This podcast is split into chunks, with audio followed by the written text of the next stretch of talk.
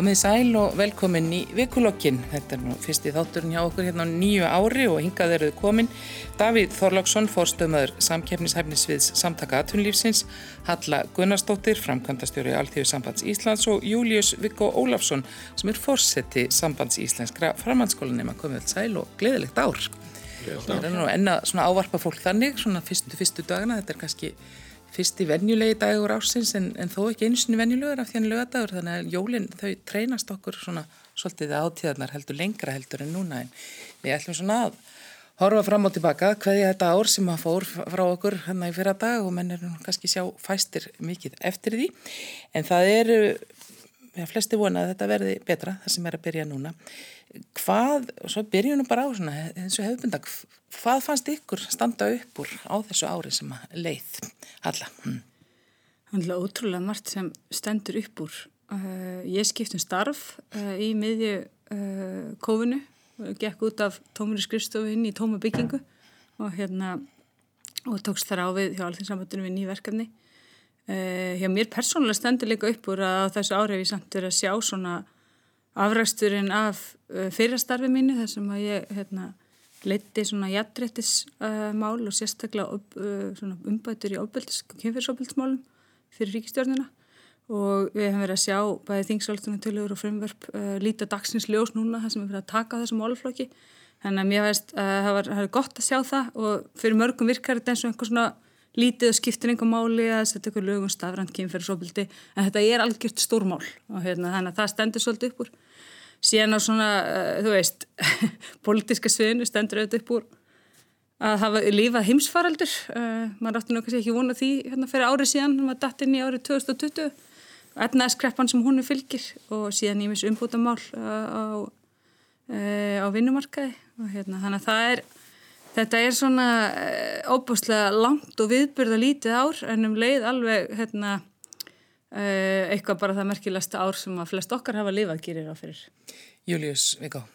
hvað stóð upp úr árinu? Ég held að standir nú lítið annað upp úr en, en, en COVID en svona personlega að þá er það einmitt hérna að maður var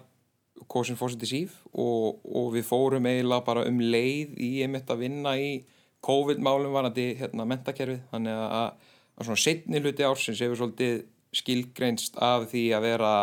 mæta á fundi með mentamálaráðara og, og, og eitthvað svona verkefni, hópar og kannanir og, og hvaða er til þess að reyna svona vinnúr þannig að, já, svo útskjöðast ég sem student, þannig að ég held að svona, já Til aðmingi með það. Takk fyrir það, þannig að það er svona pakkin. Það er nú, það er nú alltaf áfangi í hversmannslífi að klára það. Davíð? Já, uh, maður svona kannu allavega að segja en þetta svona persónlega bara verið fínt ár fyrir mig sko, maður er bara, þetta er svo lánsamur að, að vera með vinnu, ólíkt þessum hvað 25.000 sem eru núna án vinnu eða hluta aðtunleysibótum uh, og ekki, ekki veikst eða neitt, neitt nákomi mér þannig að maður bara mjög þakkláttur kynntist kærastanum mínum. Þannig að þetta er bara búið að vera frábært ár fyrir mig en auðvitað uh, erfitt fyrir okkur öll en, en hefði getað þetta verið miklu verra eins og maður sér, sér við það í kringu sig sko þessar, þessi síðustu dagar ásins, þeir voru náttúrulega svona mörguðist mjög af, af fréttunum sem þá voru að koma um, um bólusetningarnar og það var nú svona glæti fólk eh, svona vonum það, þetta við sæjum fyrir endan á því en um leið þá er þetta allt í mikilvæg óvissu háð, ennþá. Já, það, svona, það jákvæða við hvernig árið endar er að við svona erum farin að sjá fyrir endan á þessu, þar að segja kannski hérna í haust eða sérstaklega eða í miðri fyrstu bylginni eða eða þriðubilgjunni þegar þetta var vest þá, þá kannski þá var maður svolítið með hút í maðunum að því að óvissan var þá gríðarlega mikil. Hún er endar ennþá gríðarlega mikil en hún er þá aðeins minni. Ef við sjáum allan fram á það að þetta muni klárast á þessu ári eh, hérna í fyrstu bylgi þá kannski vissum við ekki hvort þetta tækið þrjú eða fjögur ári eða það er allan þess að tími sem að þetta hefur hingað til tekið að þróa bólefni hefur svona yfirleitt verið í kringum fjögur ár. Nú erum við að klára þetta innan við ári þannig að það er jákvæmt og það mun koma okkur út úr þessu en samtímiður er óvissan mikil um hvenar við verðum búin að ná hérð ónami líka mikil óvissa um hvenar og hversu hratt uh, höftum verður afletta af, hérna, af samkomum og slíku og þetta líka varandi opnum landamara því að það er grundvöldurinn að því að við náum að spilna okkur frá botninum og koma okkur út úr þessu að skapa störfu aftur. Þetta mun allt standa og falla með því hversu hratt okkur, okkur tekst að koma ferðarþjónstuna aftur á stað því það er þetta hún sem er bara lokuð núna og er orðin einn stæsta eða segir ekki stæsta aðrungrein þjóðurinnar þannig að það mun skipta öllu máli að auðvitað gæta fylsta öryggis en á sama tíma að, að ná að opna aftur og, og, og við þurfum að marka sér okkur aftur því að það eru, þetta gerist ekki að sjálfu sér það er ekki bara nóg að opna landamærin, það eru öll hinn ferði þjónasturlöndin í kringum okkur sem við erum í mikil, mikil samkefni við og erum með svona kannski svipað upplöfun, bara Noregur Írland, Skotland, Kanada Alaska, svona þessir þessi svona lönd með mikla náttúrufegur hérna í kringum okkur og Norðurslóðum þau munu öll líka að fara í mjög mikið markasáttakum leið og, um, leið og allt opnar þannig að við þurfum að, að halda vel á, á spöðunum. Mm. Þetta hefur, verið, þetta hefur líka verið átaka ár samt halla á vinnumarkaði líka það hefur verið sko, erfiðar deilur og, og, og menn svona svo, svo herp, herpist allt saman og þetta mikla atvinnleysi sem er náttúrulega eitthvað sem við höfum ekki, ekki sem betur fer ekki þurft að lifa svo oft sko eða, og meira en okkur sinni. Já, heldur betur. Þetta er náttúrulega bara mjög strempið ára á vinnumarkaði og, uh, og, og bara einhverja hæstu aðtunleysistölur sem við höfum séð uh, allavega góða öll og hérna þannig að þetta er alveg óbúslega strempið ár uh, hvað það varðar. Uh, það hefur hins vegar líka með svona samhendum aðgerðin verið tekist að að viðhalda ráðningasambandi til dæmis í gegnum hlutabútarleðina eh, þannig að sko tölurna væri náttúrulega miklu miklu herri ef ekki hefði, ef ekki ekki hefði skapast uh, samstæðan þess að þætti. En átökinn hafi verið harkaleg. Menn við sáum einhverja svakalaustu allegu að réttindi vinnandi fólks þegar hérna uh, Æslandi er grípið til uppsagnaði meir í kjærdeli með stöðningisnandaka aðtunlýfsins uh, þetta eðlilega og voru engin smávegis átöki kringum þetta og, og hérna og uh, þannig að eftir því verður náttúrulega munað. Uh, og við sjáum sko þetta uh, eitt af því sem við höfum fylgst vel með aðeins ég verður að greina svona hvar höggið er að lenda harkalast og við erum að sjá höggið sem útlendingar á vinnumarki er að taka er miklu starra heldur en hefur verið áður hérna í Íslandi, 18. þáttak útlendinga er herri á Íslandi en á öllu Norrlandunum þannig að þeir eru að taka mjög mikið högg og sama má segja um tólk og það er kannski eitt af svona stóra ágefnunum að Eh, það hefur ekki tekist að vinna bug á langtíma aðtunuleysi ungsfólk sem hófst eftir hrun. Uh, og þar eru reyndar ungmenni erlendum uppröðinu líka í miklum meirluta og þetta held ég að sé svona eitt af stóru verkefnunum okkar núna fram á við að, hérna, að takast á við þetta af einhverju myndaskap því að þetta getur hann að skapa bara, uh, bara meiri hátar vandamál og, og samfélagslega vandamál til uh, lengri tíma. Július, þú varst að ljúkast útinsprófi núna, kannski stefnir á eitthvað frekara nám en, en, en þetta er þessi, þessi hérna, þetta atunleysi, þetta hefur líka bitna mjög, það hefur erfitt, það er mjög algengt að fólk vinni með skóla, það hefur dreyið saman en, en það líka svona lítur að vera svolítið, svolítið svona uggur í mönnum það hvað, hvað á ég að gera núna, hver, hver stefn ég? Já, einmitt og hérna fólk er, er einmitt núna ekki, er ekki held ég margir meir hlutin útskjóðast núna í vor sem er að núna halda út á, á hérna atvinnumarkaðin en það náttúrulega er, er, er rosalega vond að horfa í, í, í kringu sig sérstaklega nú býði bý á Suðunísunum og, og við höfum tekið hérna hvaða mesta skellin það er í, í atvinnumálum og hérna og, og, og maður er bara mjög heppin að hafa atvinnu yfir höfuð núna ef maður er ungur og, og hvað þá sér maður líka náttúrulega bara fólk yfir höfuð í, í kringu sig. Og svo eru líka náttúrulega áhegjur út af þessu ferli sem er búin að vera í mentakjörnum núna og, og, og hérna sko bæði vorunin, setniluti hennar og haustönin bara með námið að það, það er núna áhegjur af sko, allavega ég hef áhegjur af, af heilli kynnslóð af, af námsmönnum sem eru á alls konar mismunandi stegum, grunnskóla, framhalskóla eða, eða háskóla sem að geta faktist í raun bara mist út ár af náminu sínu út af því að við erum búin, búin að vera kannita og, og við erum að vinna könnun sem við vonum að fá, við fáum niðurstöður úr að ná næstu dögum sem við unnum með mentamálaráðanitinu að reyna að fá tölulegar upplýsingar um hvernig fólki líður og hvað áhrif þetta búið að hafa. Og ég hef persónulega ekki mjög góða tilfinningu fyrir þessum áhrifum sko, því að nú erum við með krakkar sem eru búin að fara í, í, í til dæmis að, er að taka kannski fyrsta árið sitt í framhalskóla og er í fjarnámi og, og, og hérna við veitum ekki hversu mikil áhrif það hefur á námið. Fólk kannski er að skila verkefnum, við veitum, veitum líka að fólk er að deila verkefnum sín á milli, kannski kláraðu verkefnum og, og, og við fólki sem við höfum talað um í þeim rákja og hóp sem við höfum búin að vera að halda, halda utanum að það eru virkilegar áhyggjur hjá fólki að það sé ekki búin að tilenga sér námið, grunninn sem að á að vera, á að vera byggja, sem á svo að byggja restina náminu sínu og, og bara atinu sína á í, í framtíðinni. Þannig að ég hef svolítið svona einmitt áhyggjur af því ekki bara hvað áhrif það er búið að hafa andlega á, á ungd fólk og, og nema í þessum tímum heldur áhrifum sem að, sem að þetta ár og, og, og kannski meira en ár sem að þetta, uh, þessi veira er búin að vera hvað, hvað áhrif það mun hafa á þessa kynnslóð næstu 10, 20, 30, 40 árin. Og ertu það að vera ágjörðið bara menn menn séu bara ekki þrátt fyrir að menn hafa nú borðið sér vel skólamenn margir og segja að einhvernar séu ágættar og það sé ekki farið að bera á meira brottfalli, jáfnvel bara skára, skári horfundar heldur það að vera heldur að það sé kannski ekki alveg innistæði fyrir því að menn viti, menn viti bara ekki nóg mikið. Já, ég held að það sé engan veginn tími núna Já. til að vera að segja, heyrðu, núna er bara allt í lægi. Sérstaklega man ég á miðri önn þegar menn voru reyna að benda á það að það veri minna brottfall úr skóla.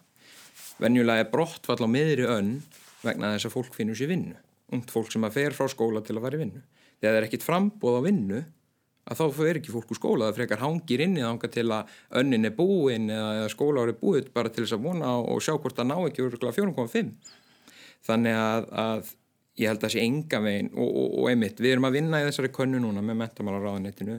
út af því að það hafi ekki verið nógu góðar tölulegar upplýsingar í, í þessu ástandi. Þannig að, að fólk hefur verið að lesa svolítið bara út frá tilfinningun oft í, í hinn á þessu áttuna þannig að ég held að sé enga veginn tími núna til að vera að hérna, segja allt sé bara í, í, í góðu og, og þetta virkaði bara vel Nú er ég náttúrulega eins og þú segir ætla ég að beða þig um að lesa út frá tilfinninguðinu því að nú mm. ferðarþjónustan hefur náttúrulega verið, hún hefur tekið við sko það hefur verið mjög mikið af ungu fólki sem hefur verið að vinna þar, þetta hefur verið svona fyrstu störfin hjá mörgum og og svona, það, þannig að þetta hefur haft verulega mikil áhrif á, á þær svona atvinnuhorfi hjá ungu fólki og kannski líka bara hvert hugurinn stefnir. Heldur að það verði ekki, menn eru kannski ekki endilega hugsa um það núna að fara að vinna í ferðarþjónustunni Það er náttúrulega ekki, mm. ég held að manni þetta það er líki hug mm. núna að fara að vinna í, í ferðarþjónustu í þessu ástandi uh, og, og náttúrulega ég sjálfur persónlega unnið í, í ferðarþjónustu ég hef unnið á, á bílalegu þannig að, að að þú veist, maður, maður, veit, maður hefur tekið þátt í þessum atvinnukýra og maður veit að þetta er sérstaklega á, á suðunisjónum er, er þetta hérna mikið svona stóð fyrir ungt fólk og, og sumir er einmitt að ganga sín fyrstu skref á atvinnumarkaði þar þannig að maður svona uh, maður veit ekki hvernig það mun þróast. Hvað mun gerast, mun það koma aftur? Mun það koma aftur í nómiklu magni til þess, a, til þess að standa undir ungu fólki, hvað kemur í staðin ef ekki? Já, já það er óvisa, óvissan, óvissan sem er kannski það sem er e, orðið sem alltaf er grípið til núna í, í, þessu, í þessu ástandi. Heldur þetta muni hafa verulega áhrif á sko, bara vinnumarkaðin svona í framhaldinu Þetta er náttúrulega er að hafa greiðarlega áhrif í augnablíkinu uh, hversu lengi þau vara er uh, sko eiginlega undir okkur komið. Bara hversu það má að segja sko 2020 það var ekkert sem við gáttum gert til þess að koma í veg fyrir að þess, þetta skilla okkur þessum krafti. En hvernig okkur gengur að vinna út úr þessu núna eh, eh, það veldur fyrst og fremst okkur, það er ekki jafn háð ytri aðstæðum, við þurfum auðvitað fyrst og fremst bara að, að bólusita sem, sem allra flest, sem allra fyrst það er auðvitað grundvaldaratriði og þar þurfum menna, maður sér það í sko öðrum, eða í, í löndum breytar komnir talsveit lengra heldur en við Ísælspenn komnir gríðalega langt búin að hólist eitthvað 10% eh, sinna þjóðar. Þannig að þetta er uh, það, það verist vera svona misjant hvernig löndum tekst að, að gera þetta. Við þurfum að reyna að finna leið til þess að gera þetta hraður og þetta bara öll heimsbyðin uh, en varandi ferðarþjónstuna þá er þetta ekki nóg við bólusitum okkur það er heila bólusita alla markaðan okkar líka Európu og Ameríku svona að svo miklu leiti sem að hægt er allavega til þess að koma ferðið á stað aftur þannig að það er spurning hvort að á Íslandi eru þetta mikil svona ástíðasveifla í ferðið það er spurning hvort að, hvernig, hvort að þetta muni takast núna fyrir þetta sumar eða hvort að það verður, verður svona frekar daburt sko. en, en allavega sumarið 2022 það er ekkert á ekki verið neitt því til fyrirstöða mm. það verður mjög gott hérna. Menn lögðu náttúrulega upp í vor með aðgerðir sem áttu svona brúabilið og heldur kannski að það myndi, er þið skemmir í tími heldur en, heldur en svo varð sko. mm -hmm. og uh, svo kemur veturinn og, og hann hefur verið mjög þungur og erfiður og, og kannski líka í ýmsum geirur svona venjulegri, venjulegum í veitingageirana til dæmis þá að vera mikla takmarkanir þannig að mann hafi ekki einu svona náð inn í, í, sko trafíkina, jólatrafíkina eða eitthvað slíkt þannig að það er viðbúið það verði mjög mikil greiðsjun eða fækun í fæinu, eða það ekki? Það, það er hættu því að, að mörg þeirra fyrirtækja sem að séu búin að loka núna tíanböndi þannig að gæðsalappa muni ekki, muni aldrei opna aftur. Það, það er það sem maður óttast og að, að þau störf þá um, kom ekki aftur. Um, það er nefnilega það er, er hagasagt en gert að, að koma svona rekstir á stað aftur. Þess vegna hefur þetta verið mjög mikilvægt eins og Halla nefndi á hana til dæmis bara viðhalda ráðningarsambandinu að, að bjóða upp á þessa hlutabóta leið þannig að þetta svona að gefa fyrirtækjum kost á að fara í hýði eins og talað hefur um. Það, það skiptir máli að og það skiptir máli að viðhalda þessu eins lengi og hægt er, það mun gera það auðveldara en, en það er alveg klart máli að það mun ekki öll fyrirtækinu opna aftur. Og þá verður við auðvitað bara búa hérna svo um nútana að það verði auðveld, hvort sem það er í ferið þjóngstuð öðrum greinum að, að haga, laga og skatta einhverjum okkar þannig að það sé auðveld að stopna hérna fyrirtæki, það sé auðveld að, að skapa störf. Það, við, við megum ekki sko skatleikja okkur út úr þessari kreppu eins og við gerum út úr þeirri síðustu því að það mun gera það verkum að það verður miklu erfiðar að, að ráða fólk og skapa nýstörf. Mm. En það er náttúrulega líka, eins og við tölum um aðtunleysi og nefna hérna langtíma aðtunleysi, þá er náttúrulega núna eftir því sem að mánuðin, mánuðinni líða þá fjölgar þeim sem eru eiginlega detta út úr, úr þeim úrræðum sem þó eru til staðar. Já, þetta er náttúrulega hefur eitt okkar stærstu áherslu aðtröðum, uh, eða var á síðast ári, nú veist komið nýtt ár, en uh, uh, sem að lítur að því að tryggja afkomu yrki fólks og, er, og þetta er það sem bara eiginlega flestir alþjóðlegar aðilar eru að segja. Það er eiginlega saman hvort þú lítur til alþjóðlega verkefælsvegingarinnar eða alþjóða gældurisjóðsins, þá hafa verið að segja að þetta fyrsta lagi tryggi heilsu og yrki, nummið tvö tryggi afkomu yrki fólks, nummið þrjú bjergi fyrirtækjum. Þetta er svona röðin sem er, hérna, sem er talin upp og, og það er náttúrulega er ekki tryggingu afkomur ekki fólks að fólk detti neyra að strýpa ratunleysisbætur þótt þær hafi verið hækkað sem er mjög gott veist, þær, þær eru konar núna yfir 300.000 krónur mm. uh, og ég veit ekki hvort að fólk sem er í uh, er uh, tilherir þeim hérna, hópi eins og við hér inni að vera með vinnu áttar sig á því hversu brjálaðislega mikil tekjuskerðing fælst í því Uh, fyrst náttúrulega dettur og tekið tengtur aðtunuleysisbætur sem að eru uh, þess að þú verður strax fyrir tekjuskeringu uh, og sem að er kannski allt í lægi fyrir þá sem eru með meðal og, og herri tekjur en getur verið mjög strempi fyrir þá sem að er að reyna að draga fram lífið hérna, hver mánuðamót á, á lagstu laununum. En síðan þessi, þessi, þessi 307 krónur sem minnir þetta síðan núna strípið aðtunuleysisbætunar nú það, þar eftir það tekum við fjárhásast og sveitufélaga sem er ennþálegri Eh, þannig að þetta hefur verið okkur mikið ágefni og, hérna, uh, og við höfum lagt áherslu á það að þessi kerfi, uh, þau eiga virka á svona tíma og það þarf að bæta í þau á svona tíma að meðan við komum okkur í gegnum uh, þennan skapl. Og það var nefnda mjög gott að tekið þengta tímabili var hækka lengt úr þrejum mánuðum í sex mánuði en, hérna, en betur má heldur betur auðvitað skall. Mm. En Daví segir við meðum ekki skatleikja okkur út úr, þessu, út úr þessari kreppu, menna að tala um það að menn nú sé tími, já það er nú bara komið fram í, í þeirra sem standa fyrir ríksfjörnum, að menn eru, freka, eru samt freka núna að horfa til þess að skuldsetja ríki til dæmis og, og tala um það að svona, bú, búið hafi staðið þokkalega þegar þetta bara stár sko, en, en það var svona spurningi í hvaða átti kröftunum beint, hvernig, hvernig á að gera þetta, hvað hva, hvert á að beina þeim mm. atvinna áttak uh, fjárfestingar og vegum ríkisins er, þetta verður alltaf umdeilanlegt hvert og, og hvernig hort er. Já, við höfum kallað eftir sko sértakum aðgerðin til að mæta þessum sértaka vanda, frekar heldur en almennum aðgerðum sem að uh, uh, það sem að einhvern veginn engir, engir svona stoppurar eru á þessum krana sem að hérna, skrúa hefur verið frá. En þetta er hins vegar líka bara stór spurning og ef við horfum aðeins inn í þetta ár sem við nú erum að byrja sem við erum alþingiskostningar og við hefum verið að fá sér ábendinga frá bæði hagfræðingum og hagsögufræðingum við um heim sem har sagt það var ekki árið 2008 sem skipti öllu máli uh, hvað var þar fjármálukreppuna, fjármálusrinni, það var árið 2010 þegar var ákveðið hvað ætti að gera við skuldirnar. Uh, og ég held að næstu kostningar það er mjög einhverju leiti eða ættu að snúast um þetta því að það er kannski næsta ár sem að ákvarða það hvernig við vinnum úr þessari kreppu. Mm. uh, og þar, þar hefur verið gott að sjá, að svo ég vísi aftur svona til alþjóðlega aðala, hverfa frá þessum ráðum sem voru eftir síðastu kreppu þar sem var lagt til að skera niður. Og þau ríki sem gengur lengst í því hafa farið einna vest út úr þessum heimsfaraldri bæði heilsufarslu og efnaðslega Eh, þannig að við erum búin að sjá hverjar afleðingarnar eru á því að keira í svona niðurskurðar sveltistefnu. Eh, það sem við þurfum að gera er að nýta áfram svigrum ríkisfjármáluna eh, til þess að milda höggið inn í framtíðina og það eru bara ímsar aðferðir sem að, hérna, sem að gera það mögulegt. Varðandi að skatleggja sig að skatleggja sig ekki út úr kreppuna, er náttúrulega allt eftir hvert þú beinir því. Það er hérna, og ég er sammálað því að það á ekki að ráðast í einhverja breytingar hérna á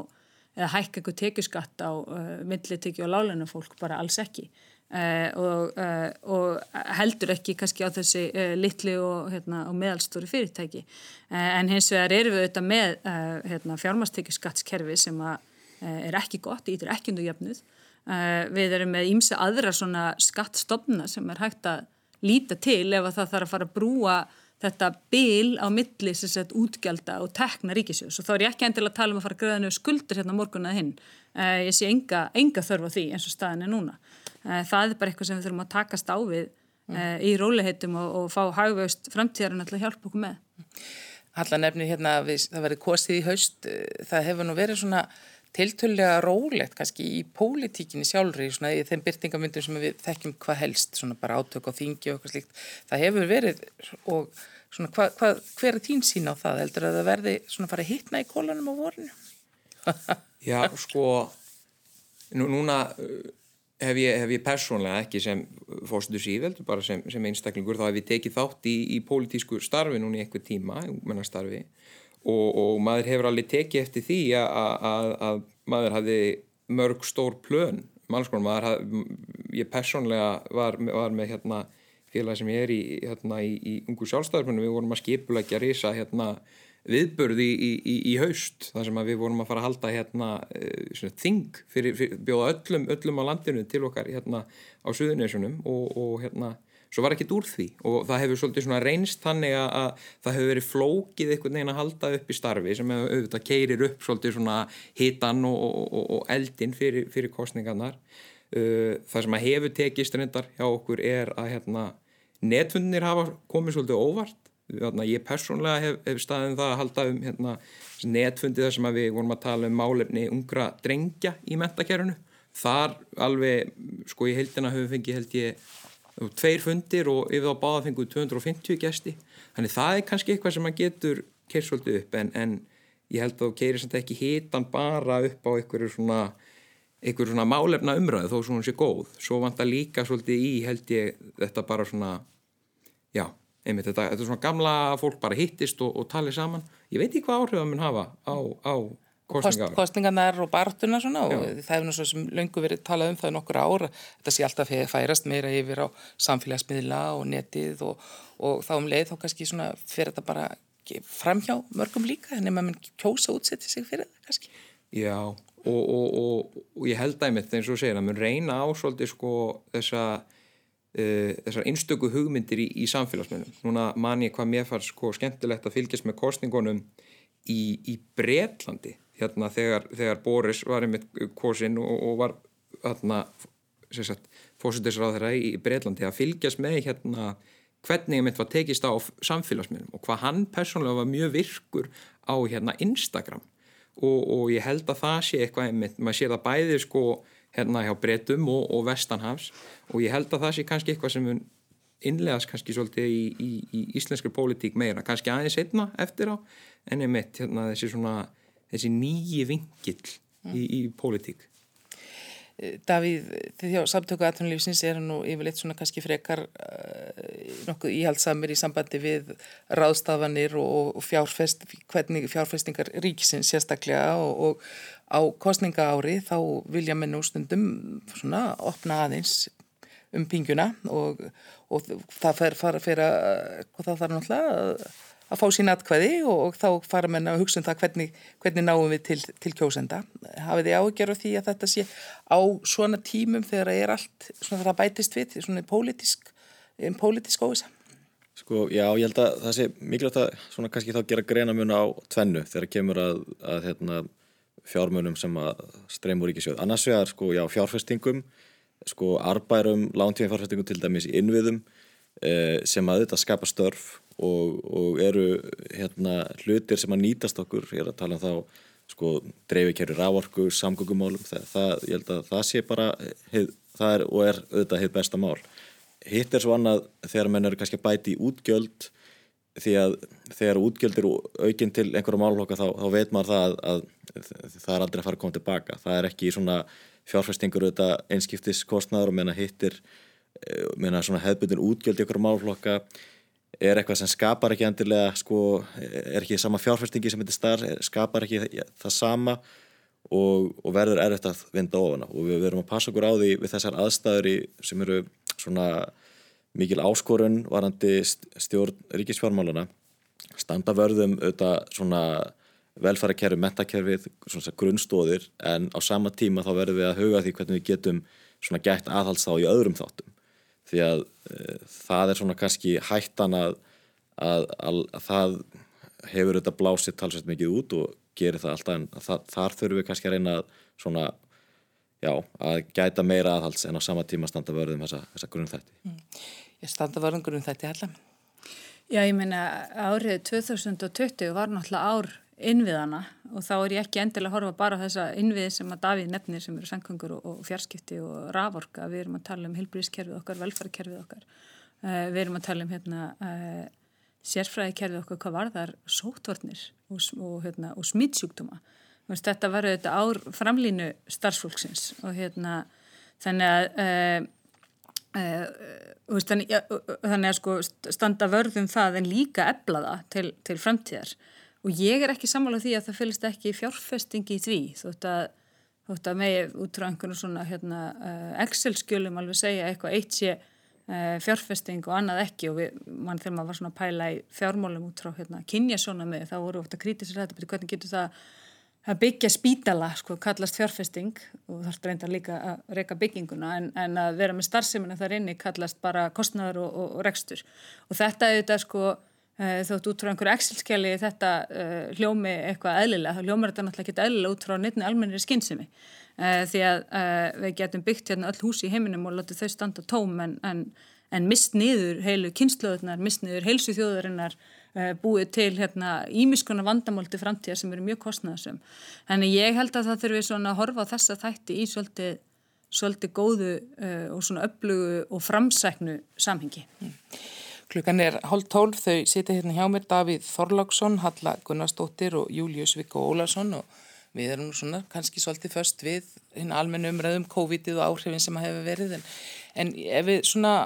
horfum aftur á, á þetta ár og, og kannski líka þessa sótvarnina, það hefur verið tekið svolítið á um þær, hvernig uh, menn, menn töluð um það í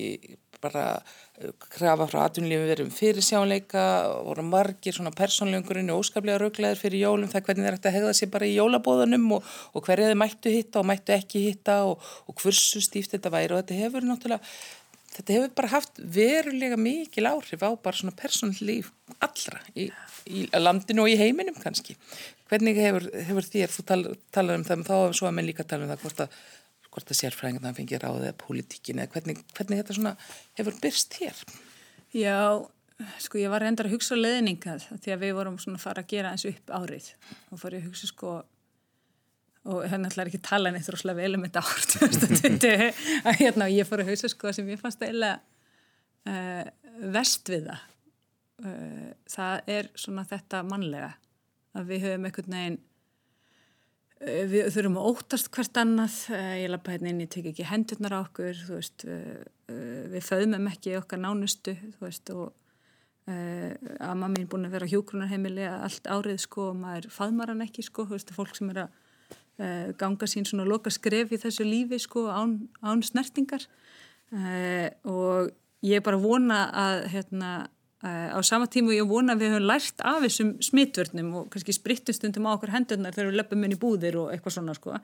Að, hérna, og þú um okkur um hendurnar þegar við komum inn í matabúð hjá fólki og svona sem ég held að það sé bara mjög gott. En þá vona ég samt að við kveðjum þennan þátt rosalega rætt og hérna og ég er bara vel knús sko árunni 2021 ekkurir uh, en uh, og svo hitt sem eru fundið svolítið óþægilegt sko sem er svona þegar við förum svolítið svona löggast hvert í öðru sko þú veist, horfa svona í búðinni bara byrju þessi bara með grímuna, hún heilur ekki alveg nefið og fyrir svona pyrra okkur og þessu. Og minnst þetta ekki svona kalla fram góða þætti í manneskinni minnst þetta ekki, ekki þægilegt. Og hérna, uh, og ég menn í mér líka sko, þótt ég sé alveg manneskjan sem að hérna skam einhver úlinga fyrir að lappa blöytir inn og þurksvæði í sundlaugin og svona sko, þá hérna, og veist, þá finnst mér þetta ekki endilega eitthvað svona ekki eitthvað sem við viljum íta undir í, í, í, manneskinni, þannig að mér finnst það svona óþægilegt. Uh, eðlilega er umræða um sóttvarnir og hversu langt það er að ganga og klukkan hvað sko, því að an annað er mjög óeðlilegt. Uh, og ég er alveg fyrir þá, eða mér er svo krítiska umræðalega mikilvæg og þú veist þessi þetta svona hlýðni element og allt þetta sko, ég minnst mjög eðlilegt að spretta upp mm. einhverju krítisk umræðan um þetta. Uh, en það er hins vegar verra þegar svo umræða fer út í sko, ég ætla þá bara að brjóta þessa reglur af því að það gild ekki mig sko, Þa, það er kannski svona uh, það er verra. Þannig að mér finnst krítiska umræðan góð en að mörguleiti bara hefur náttúrulega skapast mjög mikil samhældni um það hérna á Íslanda virði þetta. Mm. Veist, það er, ég meina, lappið inn í hvaða búð sem er og mér sýnist bara lang flestir vera að lifa sínu lífi í, í kringum þetta sko. Þannig að svona, uh, en þetta er auðvitað eitthvað, ég heyrið viðtal við hann hérna, Gunnar sem skrifaði bókinu Spansku veikina mm og þegar hann var að skrifa hann þá var hann rosalega mikið að hugsa hvernig hann ætti að útskýra sótt kví fyrir, fyrir veist, nútíma lesendum veist, þannig að við erum alltaf að lifa ykkur tíma sem ekkert okkar mm. björst við Július, sóttvarninnar, hvernig hafa þær komið við þig?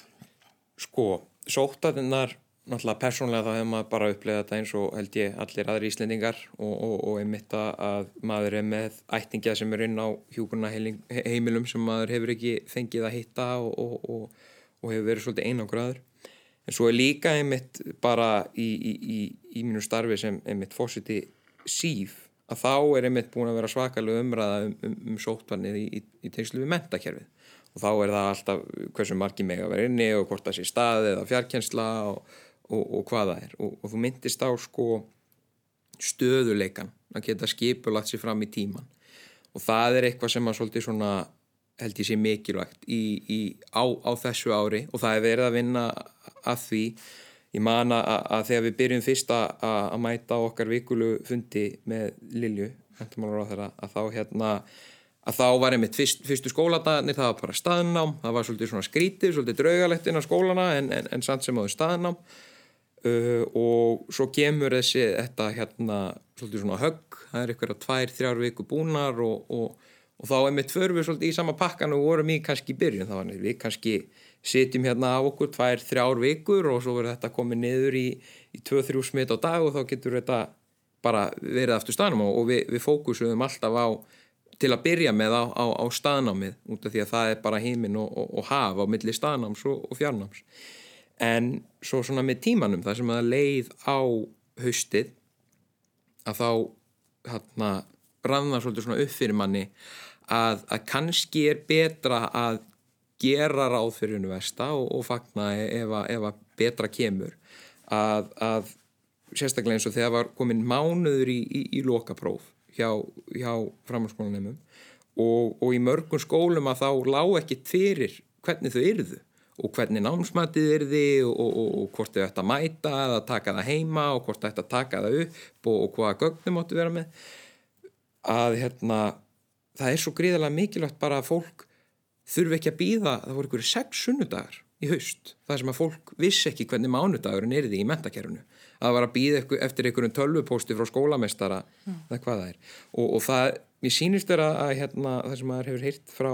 mentamálaráðunitinu, að, að hérna, það er verið að skipulækja næstunna út frá stanami og, og það verið hægt að gera það lengri tíma. En ég vona að það rætist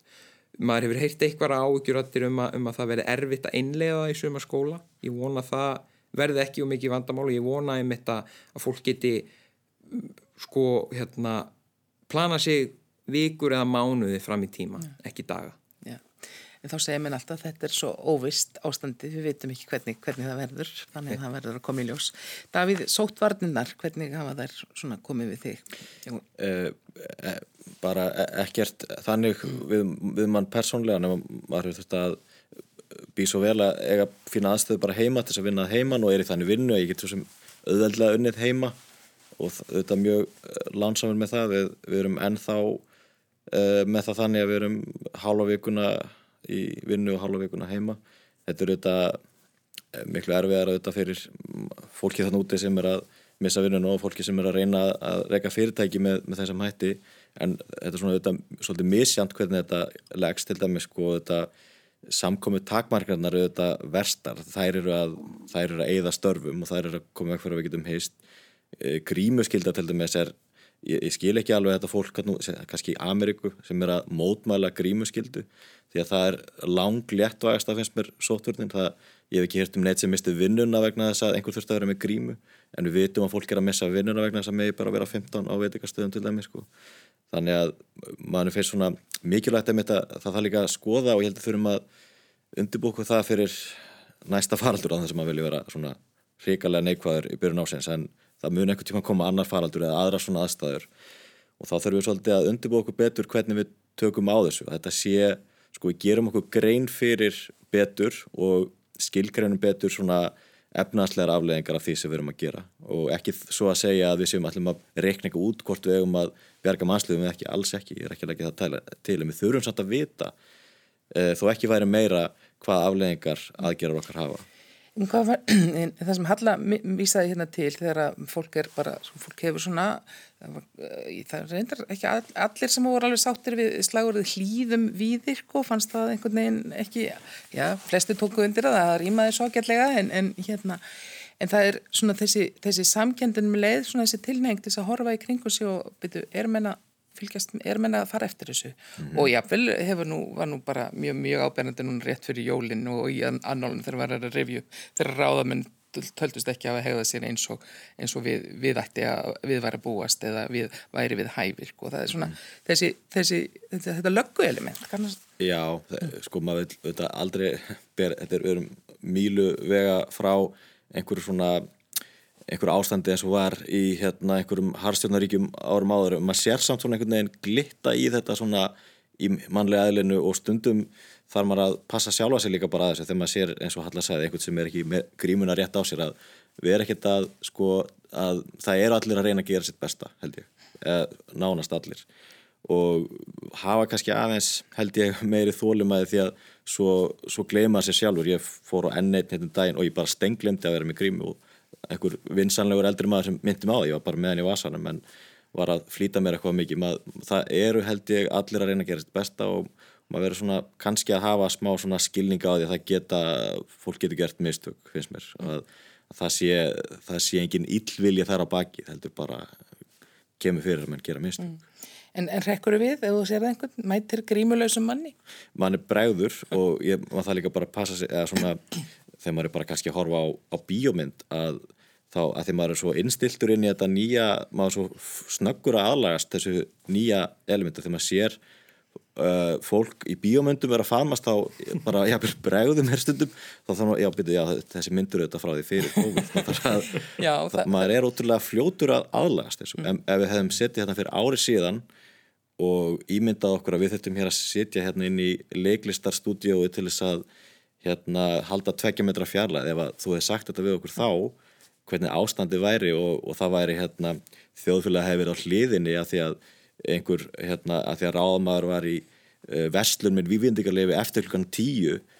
að það væri stærsta máli í loka ásins það, það hefði verið hlægilegt. Já. Viljus, það fordæmi, fordæmi höfðingjana. Vorum hérna þessi umræði sem komur upp núna í breyttur í jólinn sérstaklega og var nú revið rækjulega upp í öllum annólum líka. Hvað fannst þér um það? Já, þetta er svona bara uh, maður svona horfur á þetta og þetta er, þetta, þetta er leiðilegt mál ég held að það sé að segja það en, en hérna ég, ég held að hérna já, þetta kannski svona minnir mann bara á að það sé mikilvægt að, vera var við kringu svo. Þetta skiptir máli að, hérna, þeir sem fara með uh, ráð og, í, í samfélaginu að þeir sem setja reglunar fylgi og, og svo náttúrulega komi ljós setna meira að þetta var náttúrulega ekkit bara eitthvað eitthvað sko svart og hvít heldur að þarna var uh, hvað var það, 50 manna leiði og eitthvað, þú veist, ég er ætla ekki að fara eitthvað að staðhafa um þetta mál, ég var ekki á staðnum ég er ekki nóg inn í en, en þetta er náttúrulega þetta leiðilegt. Já, það var nansi margt að reiki um þetta sko. Mm. staðurum virtist geta breytt stór uh, verslun í vinnveitingastað í uh, veist, svona mjög rösklega úr, úr kaffihúsi í eitthvað annað í listasafn. Uh, en hérna En ég gerir greina mun á því að, að ganginu enn eitt grímuleysa því að maður svona gleymi grímunni og því sem að ég held að eigi við um einhverja uh, að svona finnast þessar strönguraglur ekki endilega gildin þá. Mm. og, hérna, og ég fekk þá tilfinningu kringu þetta mál. Og, hérna, og það er samar síðan svona skandal út í heimi sko. Einn munartekur skandal frá Breitlandi sko sem bara lappa af þingi þess að það er sett einhver lög eða úr uh, ráður að úr dáningstræti þar sem það er setja einhverja reglur og, og fara svo bara að ferðast yfir all landi sko. Og, hérna, og ég held svona og auðvitað þurfa stjórnmálum en að sætta sig við að það eru auðvitað meiri smásja á þeim veist, það eru þeir sem eru að setja reglundar mm. og, hérna, og það eru við sem erum að reyna að tólka þær inn í líf okkar og fylgja þeim En haldið það farið að núna þegar bólusetningarnar eru komin á stað og þetta er náttúrulega ekki nema bara lítið hluti af, af, af okkur sem þjóð sem er búin að fá skamtana og, og menn er núna veltaði fyrir sig hvernig þið munu koma og hvernig það verður en, en sko, heldur það að slakni á fólki í umgengni núna strax? Sko ég held, eða kannski ekki alveg strax, uh, ég held um leiðu að bólusetningarnir konar og líka smittin þegar þeim fyrir fækandi og verður eitthvað aðeins mingað á hérna, ef, ef þeim gerir það, þú veist, mm. insjálf og allt það, að hérna leða þeim fækkar og það mingar svona hérna uh, mingar þetta nýgengi ég meina við sáum bara hvað slagna á öllum í sumar, mm. þetta var eina jákaða hann í frettan og hérna Ríkisjónasins sem var svona alltaf þunglindar og þunglindar ef við að horfa á hann sko, og svo kom þetta sumar sko og þá allt í hennu voru bara allir hérna í, eh, eins og sardínur í laugunum og veist, og, og byrjuði að faðmast og svona. Og ég er nú bara fegin því. Veist, mér finnst bara gott að hérna uh, að það er á einhvern nátt líka smá þessi aðlugunar hefn okkar eins og Davíð kom inn og er alveg svolítið ókveikindi sko, hvað verður rosalega fljóta finnast Já. þetta allt saman eðlilegt. Já, það, það, en það verða kannski notaðir svona sem, já það verður fyrir þetta svolítið eftir í hvort það verður ástand sem að gengur yfir og við verðum dottin aftur í gamla fariðin alveg eins og, eins og stundu þegar við verðum að búa til bíómyndir sem er að gerast í perjóðu og þá er fólk alltaf að reykja alveg ofsalega mikið til þess að, af því það er orðið fyrir okkur flestum stuðandi svona, eða bara svona framandlegt sko, þannig að það verður yfirgengileg knús kannski þegar það á að fara að hérna, setja, setja í einhver tíma fyrir COVID. Já, eða fólk alveg þrjá fjóra metra í sundur eða mm. á að vera með sig gerst 2020 já, þetta er hérna já, alveg e, maður er mitt svona Þetta er svona fyr, árið fyrir og eftir. Vonum við, von, við vonum það kannski líka og, að það verði bara árið. og einmitt sko þetta ár sem er að líða að það er einmitt kannski svona innkynist af þessari, þessari samstöðu og einmitt svona að hlýða við þið og, og, og við erum að leifa sérfræðingum að, að hérna að ráða. Og, og það tókst held ég nokkuð vel og einmitt það eru það er fólk sem fylgist frá útlöndum með Íslandi og, og, og hvernig gekk hérna. En, en svo held ég að, að taki við í ár og, og hérna næsta var eftir það að þá tekum við gamla goða þá þarf að fara að taka ákvarðanir og það þarf að fara að leysa vandamál og fólk mun hafa skipta skoðanar af því og, og þá held ég að komið svolítið inn þegar, þegar þetta er ekki bara það að bjarga lífum heldur að það þarf að, að fara að hugsa hvernig við um að skipula ger ekki sjóð og, og, og hvað á að skera niður og hvað á að bæti í þá kemur svolítið svona gamla, gamla góða pólitíkin í þetta allt. Mm. Já, og bara mismunandi sín fólks líka, kannski á það. En e, þessi áramót sem nú er nýliðin e, meðal þess að þar var það var á að taka gildi hjá, á mjög mörgum vinnustöðum hjá sveitafélaginu og, og ríkinu er stytting á vinnutímanum og það er eitthvað sem er búið alveg frá því lífskjara samningunum þar var samið um að það skildi skildi dreyð úr og menn hafa verið útferð þá mismunandi hátt e, við lifin og allir í þeirri hérna svona það er mjög róttekinn það viðmið að Íslinga séu afskaplega vinnusamir, þeir vinni mjög mikið og vinni lengi og, það sé það sem hérna svona knýr okkur áfram að því við séum svo fá, við þurfum alltaf að vera að vinna. E, haldið þetta sé að breytast svona eitthvað og hvernig heldur það muni ganga? Ég held að maður þurfa átt að segja því að hugmyndinum áttastunda vinnudag er aldar gömul. það er, er liðin hundra ár síðan þetta var talin svona sæmilega skynslega lending að, hérna, að vinna í áttatíma dag. Uh, og þetta eru þetta stóru málunum á þessu ári sem er, að, er nú liðið. Uh, það er þessi vinnutíma styrting og hún er eins og nefnir uh, mest hjá hennu ofinbæra en það hefur líka verið ákveðin vinnutíma styrting hjá hérna á almenna markanu líka. Og þetta held ég að sé stór mál. Mér er svolítið áhugavert Uh, maður þekkir svona verkefælisöngunni fyrir kannski tíu árum þú veist það sem að þeir átt að fara að ræða þetta þá voru mjög margir sem sögða fyrir samlinga við með á að vinnu tíma styrtingu bara herri launum og kannski meira aukavinnu og, og þetta hefur svolítið breyst það er hérna það virðist vera svona aðeins meiri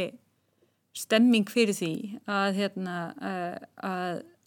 eiga meiri tíma með sinni fjölskyldu og frítíma og, og vinnan sé ekki það eina sem skilgrænur okkur. Og það held ég sé bara mjög helbriðt fyrir, fyrir samfélagið. Uh, í réttinu til letinar hérna, sem kom út á Íslandi fyrir nokkrum árum eftir hérna, Pól Lafargú, uh, þar er, er færið rauk, og hvað ætlir það sé, 150-200 ára gömul bók, það er færið rauk fyrir þryggja stundavinnudegi og, hérna, og það sé bara nóg sko og eitt af því sem ég hafa skemmtilegast við þá bók sko það er sagt hérna að þið viti við erum alltaf með þetta bara já og vinna minna og fá meiri tíma til að rækta andan og þið viti fara í jóka og vera þú veist það er bara já þú ótt bara hérna að, að bara fara að drekka og sofa og slæpast og eitthvað svona það, það er svona það sem átti að koma í staðin, Já, kom í staðin og, hérna, og ég er svolítið hlind þessu sko bara hérna ekki það ég sé að hérna, átvökkara fyrir einhverju hérna, þryggjartíma vinnudegi og fyllir í öruleiti en, en fyrir svona hérna bara, bara veist, vera sko. Mm. og, hérna, og þannig verða líka oft bestu samfélagsbreytingarna til er að fólk bara færa að vera eins og spila saman og hérna þessar, þessar breytingar er núna sko, voru í samningum á hjá, hjá ríkinu og sveitafélögum sem breytingarna núna. Var síðustu áramót sem til dæmis hjá Vaffer var stittur vinnutímin í samningum og í lífskjara samningum var talað um að menn gætu farið inn í viðræður um stittingu á þess að það væri kannski algjörlega fastmótað en á hvaða leið sínist ykkur að við séum með það? Þetta, þetta gekk þokkarlega uh, hinga til. Og vandamáli alltaf er svolítið að það er svo misjamt eftir vinnustöðum og störfum hvernig, hvernig þetta er hægt sko. maður sér það bara uh, fyrir, þetta margtildums bara segjum hefðbyrðið skrifstofólk þá, þá er þetta auðvelt í útvæslu til dæmis í verslunum eða annar starf sem þarf að vera viðvera þar er þetta miklu flóknara. Og, og það er mjög misjamt hérna, sem við vilja meina að, að þetta hafi hérna, þetta hafi engin áhrif á afkost sko og jafnvel að geta aukið afkvöst það á augljóslega ekkert við allstaða það átlumins ekki við í vestlun, það bara augljóst að það þarf bara vestlun að vera opinn minna eða þú þarf fleira fólk og svo framvegist þannig að það er ekkert hægt að segja ekkert hægt að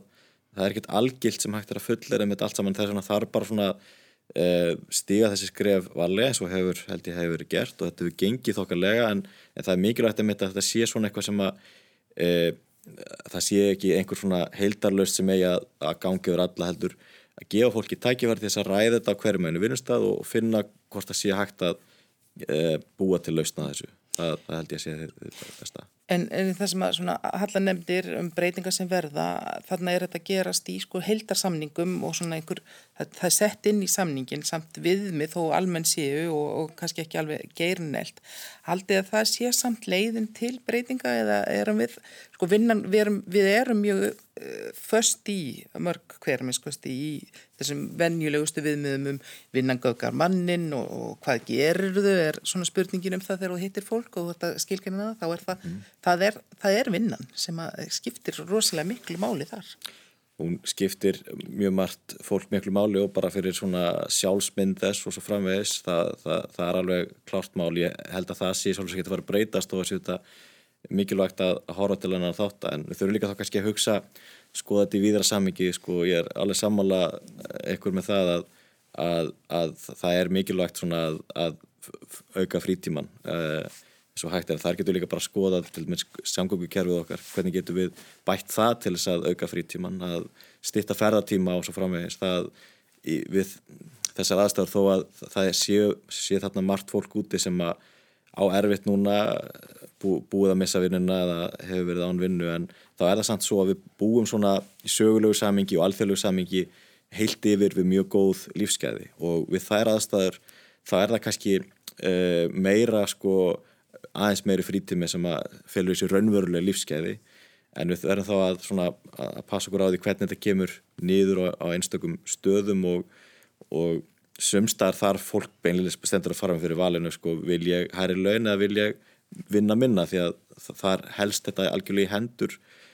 framleiðinin og, og viðveran en og, ef að það er það bara hvað sem fólk verður að gera upp í sig mm. Ég fæ kannski að bæta við fyrir ekki Anna Kristín að þessi vinna sem eru unnin hjá hennu uh, ofnverða um þessi vinnutíma styttingu, ég held að hún verði einhvers konar mótel sem við getum síðan nýtt því að mm. þetta er náttúrulega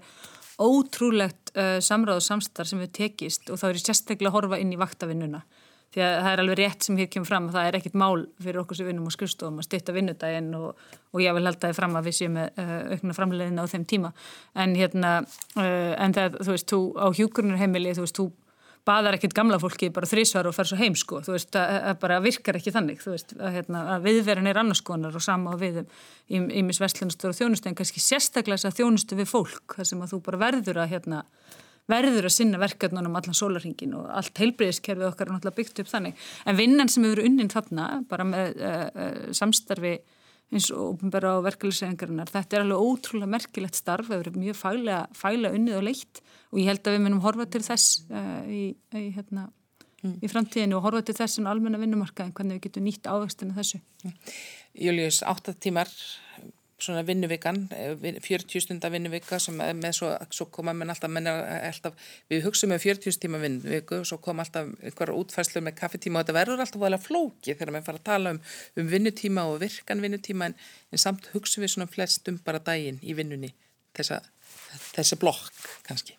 og sem sér þú fyrir þér að það sé jákvægt eða neikvægt að stitta hann? Uh, ég personlega uh, ég bara er, er, er, er ekkert eiginlega endilega eh, viss í, í hérna hvora áttina. Ég held að við erum búin að vera að tala hérna um, um sko, íslensku vinnumenninguna, að við vinnum mikið. Ég er persónlega ráð því að það sé jákvæður hlutur að ég sé, nú þegar ég set hérna, að ég sé nú þegar í fimm ár búin að vera að vinna á hinnum og, og þessum stöðum og ég held að það sé ótrúlega gott fyrir, fyrir ungt fólk á Íslandi að, hérna, að við séum að, að, að á Íslandi færu tækifæri til þess að eignast einn eigin pening þegar þú ert ungur og, og, og gera þig grein fyrir því hvaða hvað það er að setja sjálfaði í eitthvað og eignast eitthvað sjálfur sem þú vannst fyrir og fá að ráðstafa því. Uh, útfæsla á, á vinnuvikunni uh, átta tímar, ég held ég er núna í, í fyrsta sinn þarna í lífunu held ég er ég, er að, er ég að vinna vennjulega sko átta tíma viku, eða 8 tíma vinnudag í, í 40 tíma viku uh, allavega hjá ungu fólki þá er þetta voða mikið bara vaktavinna og þetta eru helgar eða þetta eru sumar er þetta kannski 12 tíma 2, 2, 3 uh, en já, ég held að na, vinna það, það þarf náttúrulega sko það 8 tíma vikan er, er, er hérna ég held hún sé bara góð að mínu matu, ég held að við þurfum að gera okkur grein fyrir því að, að, hérna, að vinna hefur alltaf verið til og vinna hefur verið mjög meiri í fortíðinni en hún, en hún er núna. En, en það má alveg vera að, að einhverja hlúsa sér eftir að fá úr því að stýta hana. Mm. Menn tala alltaf um svona þetta jafnvægi í lífinu og svona samræmingu og Hallar nefndir hendar hérna réttin til letinar sko, en, en það er mörgum sem finnst það bara heilum mikið að, að balansera lífið í, í, hérna, í þessum rammar sko. en, en um leið segja mér, já, hversu mjög þegar það verður að tala um einhverja mínótur sem dagunni stýttist en þegar þetta er að leggst saman þá er þetta kannski heil mikið og þá er kannski mikilvægt eins og Hallar kom inn á að, að þegar maður er ekki vinnunni að, að leifa sér letina, við erum ekki að endalösum jókatímum með fullir finningu fyrir þeim og það sé örgulega gott líka en já að, að, að því að maður sér sko þess kannski líka umræðin um kulnun mað, því miður kannski ekki til nógu góða rannsóknir um það á Íslandi en mann finnst sínu stundum að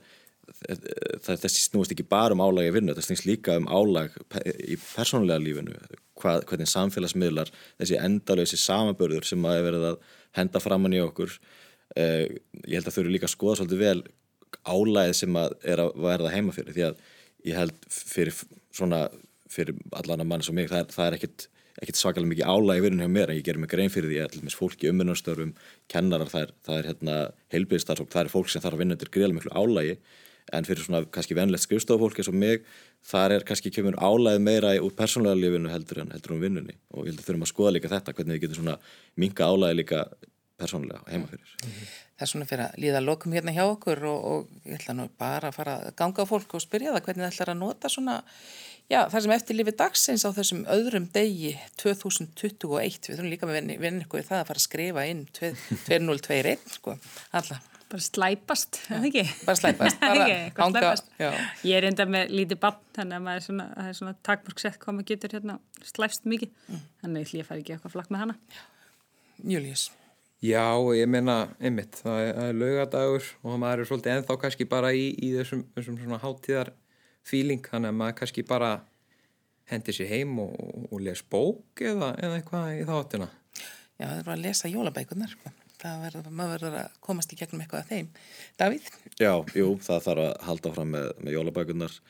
Það þarf bara að fara að koma jólatrén út, maður vil svona til að aðeins að létta lífið að setja þess ofinni snemma upp í ár. Það er alltaf snemt að taka út annað í janúar. Já, en sko þegar helmingurna þið er komin á gólfið þá er kannski komin tími til þess að fara að setja það út, sko það verður að vera í björgunaraðgerðum en er, við vonum bara öll að árið 2021 verði okkur gæfuríkt og já, mörgum minnskust öðuldar að því að sömum var síðast ár nokkuð erfitt. En ég þakka ykkur kærlega fyrir komin hinga til mín í vikulokkin Davíð Þorlóksson, Halla Gunnarsdóttir og Július Viggo Ólafsson verið í sæl.